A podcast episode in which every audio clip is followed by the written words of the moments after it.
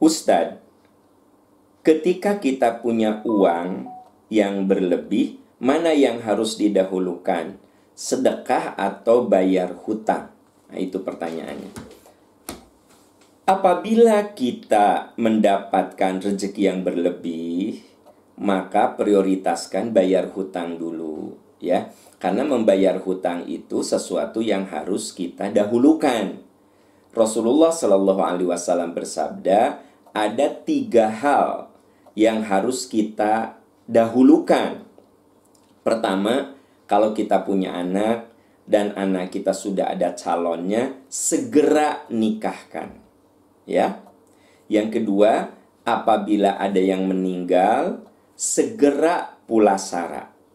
Segera mandikan, kafani, solatkan, kuburkan. Segerakan untuk dikuburkan.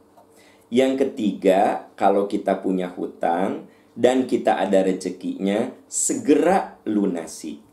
Jadi kata Nabi ada tiga hal yang harus disegerakan. Kalau kita punya anak dan sudah ada calonnya, segera nikahkan. Kalau ada yang meninggal, segera kuburkan. Kalau kita berhutang dan ada rejeki, segera lunasi. Ini keterangan menjawab pertanyaan Anda, kalau saya ada rejeki, apa sedekah dulu, apa bayar hutang dulu? Saya tegaskan bayar hutang dulu. Karena membayar hutang itu bagian dari sedekah. Ya. Kan kalau kita berhutang dan kita segera membayar, orang yang punya uang itu senang kan? Membuat orang lain senang itu kan merupakan sedekah begitu. Perlu digarisbawahi kalau yang namanya sedekah itu tidak selamanya berbentuk uang. Kata Rasulullah Shallallahu Alaihi Wasallam, tabas sumuka li ahi kasodako. Keramahanmu itu adalah sedekah.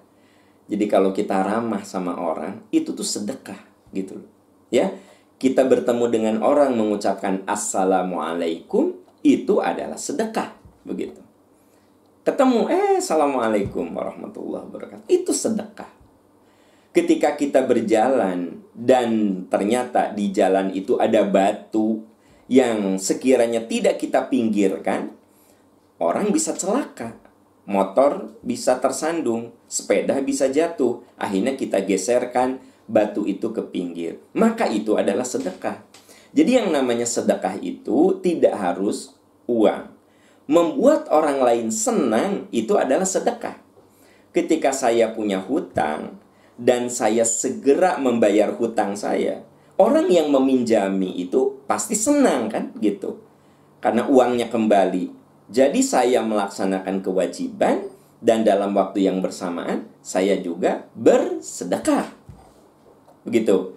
Nah, ketika bapak-bapak sekarang banyak kerja di rumah, kemudian ada kesibukan istri, lalu bapak membantu, bapak bersedekah. Lihat istrikaan banyak, bapak bantu istrika, bapak bersedekah. Ya, ketika bapak lihat ya kamar mandi agak kotor, bapak bersihkan. Itu bapak bersedekah. Ya. Jadi yang namanya sedekah itu tidak selamanya bermakna uang. Bahkan wirid dan zikir kita juga itu sedekah. Di dalam hadis yang sahih Rasulullah mengatakan setiap ruas tulang kita itu harus disedekahi. Setiap ruas tulang. Coba dalam tubuh kita ada berapa ruas? Di jari tangan berapa ruas? Sikut, lutut, Pokoknya dari ujung rambut sampai ujung kaki, berapa ruas tulang kita. Nabi menyuruh agar kita bersedekah untuk setiap ruas tulang itu.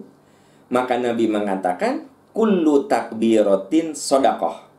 Setiap kali kamu membaca Allahu Akbar, zikir Allahu Akbar itu sedekah. Kullu tasbihatin sodakoh. Setiap kali kita membaca subhanallah itu sedekah. Kullu tahlilatin sodakoh setiap kali kita membaca la ilaha illallah itu sedekah. Dan sedekah untuk setiap tulang itu kita bisa ganti dengan sholat duha dua rakaat. Berarti Berarti yang namanya sedekah, zikir, wirid, baca Quran, sholat itu bisa menjadi sedekah. Membuat orang lain senang, meringankan beban orang lain itu sedekah, ya.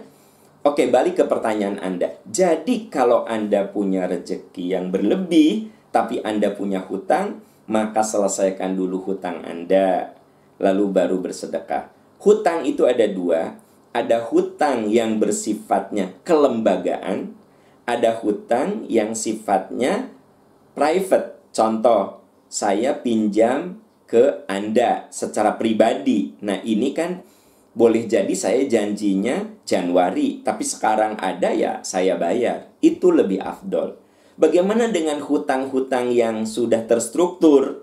Anda ngambil rumah ke bank syariah, itu harus dicicil 10 tahun. Nah, apakah boleh Anda menangguhkan bayar hutang Anda sesuai perjanjian 10 tahun itu? Nah, itu mah boleh. Karena apa? Yang penting tiap bulan Anda bisa nyicil gitu loh. Nah, boleh Anda sedekah. Tapi ah saya mah ingin menyelesaikan ini ada rezeki walaupun saya kena penalti, saya bayar lebih cepat, saya mau utamakan itu. Nah, itu juga afdol, ya. Jadi hutang itu ada yang bersifat private, ada yang bersifat kelembagaan. Nah, yang saya bilang yang paling bagus adalah mempercepat bayar ketimbang sedekah adalah hutang yang bersifat private, ya. Tapi kalau hutang yang bersifat kelembagaan, ada terminnya, ada jadwalnya, ada tanggalnya, ada waktu yang ditentukan, nah itu Anda boleh mengikuti alur sesuai kesepakatan di lembaga itu, ya.